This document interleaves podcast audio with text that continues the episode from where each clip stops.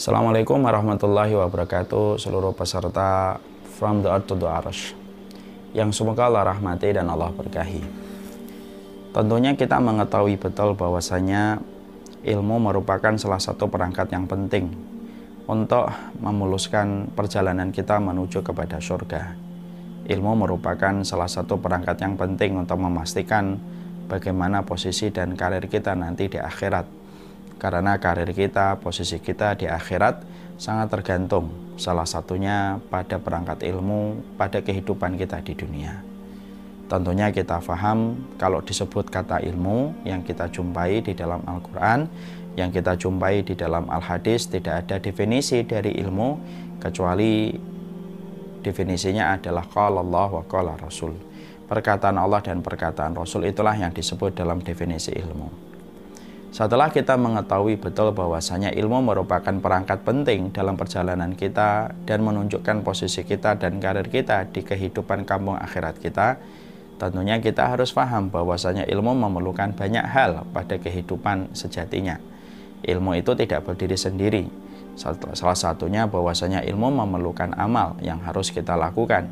Karena ilmu ketika berdiri sendiri dan tidak memanggil amal, maka akan menjadi sebuah kecelakaan dan kebinasaan sebagaimana ilmu dia membutuhkan perangkat yang lainnya untuk menjadi sempurna di sisi Allah yaitu ilmu ketika memanggil amal maka ilmu juga memerlukan akhlak.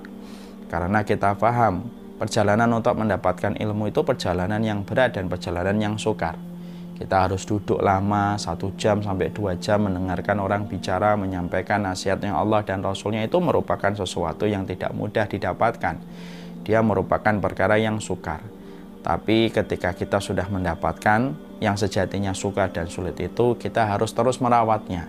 Kita harus menyiraminya supaya ilmu itu terus berkembang dan kita harus menjaganya dengan pagar-pagar pembatas supaya ilmu yang telah kita dapatkan tidak dirusak oleh perusak-perusaknya yang ada di sekitar kita yang sejatinya bisa menghancurkan semua ilmu yang telah kita dapatkan. Inilah yang sejatinya ingin kita sampaikan. Sesungguhnya ilmu bukan hanya memanggil amal, tetapi ilmu juga memanggil akhlak. Karena kita harus paham, ketika ilmu tidak bersanding dan tidak berjodoh dengan akhlak, ketika ilmu tidak berjodoh dengan akhlak, maka yang terjadi kemadorotan dan kerusakan pasti lebih besar daripada apa yang dia peroleh dan dia dapatkan dalam ilmu. Makanya kita harus mengetahui bagaimana akhlak sejatinya ketika kita menjadi penuntut ilmu. Ironisnya, hari ini para penuntut ilmu pada zaman milenial banyak mereka yang mampu membeli buku, banyak mereka yang mampu mendownload ribuan file untuk mendapatkan ilmu.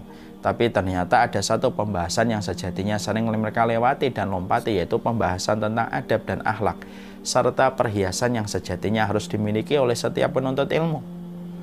Dan tentunya kita khawatir ilmu yang sejatinya sudah sukar kita dapatkan karena kita tidak rajin menyari, menyiraminya dengan akhlak. Kemudian kita tidak pandai menjaganya dengan pagar-pagar amal yang kita lakukan pada kehidupan. Itulah yang kita khawatirkan ilmu itu akan menjadi sesuatu yang musnah dan layu sebelum masanya kita petik dalam kehidupan di akhirat. Makanya ilmu memerlukan akhlak. Tentunya akhlak itu sesuatu yang sifatnya harus dipelajari beda. Sopan santun dengan akhlak itu berbeda. Sopan santun bisa kita dapatkan secara manual bagaimana orang tua kita yang mengajarkan. Tetapi akhlak itu sesuatu yang sifatnya semuanya termaktub dan tertera di dalam kitab-kitab para ulama. Dan kita sejatinya harus tahu apa sih akhlak yang harus dimiliki oleh seorang penuntut ilmu.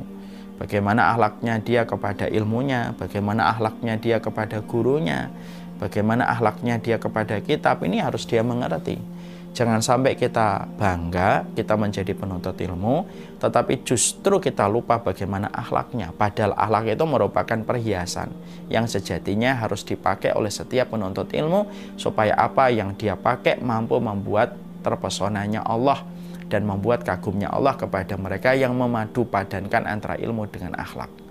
Berulang-ulang sering saya sampaikan, ilmu tanpa akhlak itu rusak. Kalau orang itu tidak punya akhlak berarti akhlaknya buruk dan kalau sudah Allahnya buruk, Rasulullah sudah mengingatkan. Inna su'ul khuluk yufsidul amal kama annal khala yufsidul asal. Akhlak yang buruk itu merusak amal sebagaimana cuka merusak madu. Jadi kalau orang itu berilmu tetapi tidak ada komitmen akhlak, maka sejatinya Akhlak buruk ketika dia tidak memiliki sifat akhlak yang baik, maka akhlak itu akan merusak amal ibadah sebagaimana juga merusak madu. Sebagaimana sebaliknya punya akhlak doang tak punya keinginan untuk menambah ilmu itu batil karena bermodal akhlak semata tidak bisa masuk surga. Makanya ilmu itu berjodoh dengan akhlak. Dan sesungguhnya perhiasan itu berhiasan dengan ilmu.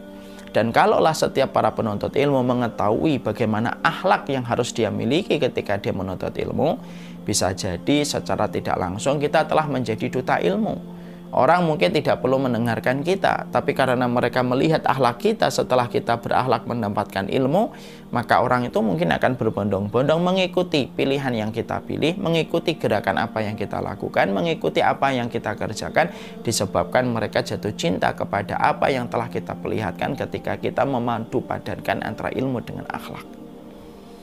Makanya kehidupan akhlak itu menjadi penting sebagaimana persis Ruwayim itu berkata kepada putranya ya ya anakku ya bunaya ij'al ilmaka daqiqan waj'al ilmaka milah waj'al adabaka daqiqan. Ya bunaya ij'al ilmaka ij'al ilmaka milhan waj'al adabaka daqiqan Ruwayim itu pernah berkata dengan bahasa yang sangat indah, sastranya tinggi. Ruwayim berkata, ya, ya anakku, jadikanlah ilmumu sebagaimana taburan garam dalam satu masakan. Tapi jadikanlah adabmu dan akhlakmu terhadap ilmu itu sebagaimana tepung. Nah, kita paham kalau kita membuat satu menu makanan, tepung dan garam itu porsinya pasti banyak tepungnya. Garam itu hanya ditaburi. Dan ternyata salah satu ulama salah berkata, jadikanlah ilmu kamu itu hanyalah taburan garam. Tapi jadikanlah adab kamu sebagaimana tepungnya. Maka untuk menunjukkan kepada kita bahwasanya betapa mulianya kehidupan akhlak yang sejatinya menjadi perhiasan setiap penuntut ilmu. Dan banyak di antara kita yang justru sudah lama ngaji, sudah lama ikut taklim, tapi ternyata kita tidak mengetahui bagaimana akhlak yang sejatinya harus kita miliki. Dan ketika kita minus akhlak, inilah yang menjadikan kita banyak dibenci para penuntut ilmu bukan karena kebenaran, tapi kita akhirnya menjadi orang yang dibenci karena akhlaknya. Makanya saya selalu mengingatkan kepada diri saya sendiri. Kalau kita dibenci karena akhlak itu musibah, tapi kalau kita dibenci karena ilmu dan kebenaran maka itu anugerah.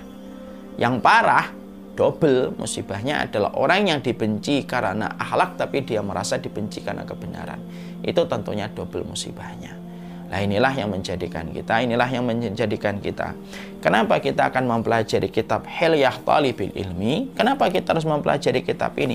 Karena kitab ini akan menyajikan kepada kita menu yang sangat menarik dan menu yang sangat lezat untuk dilahap oleh kita bagaimana adab-adab yang harus kita miliki. Adab ketika menuntut ilmu, bagaimana metode kita ketika belajar, bagaimana adab kita bersahabat, bagaimana adab kita dengan guru, bagaimana berias dengan ilmu, larangan yang harus ditinggalkan oleh para penuntut ilmu, maka kitab ini akan menyajikan kepada kita semua perkara yang sejatinya harus kita ketahui. Dan ini merupakan fondasi pertama sebelum kita banyak nanti mempelajari kitab-kitab muktabar yang diwariskan para ulama terdahulu. Makanya saya memilih kitab Hilyah Talibil Ilmi menjadi pembahasan harian kita melalui audio. Setiap pagi kita akan share sampai nanti di bulan Desember kita insya Allah sudah selesai pembahasan kitab ini supaya kita ngerti bagaimana karena hakikatnya mendapatkan ilmu itu berat. Jangan sampai keutamaan buah manis dari ilmu yang sudah kita dapatkan begitu berat menjadi layu, menjadi rusak hanya karena kita tidak mengetahui bagaimana adab yang sejatinya harus diperlihatkan oleh seorang penuntut ilmu.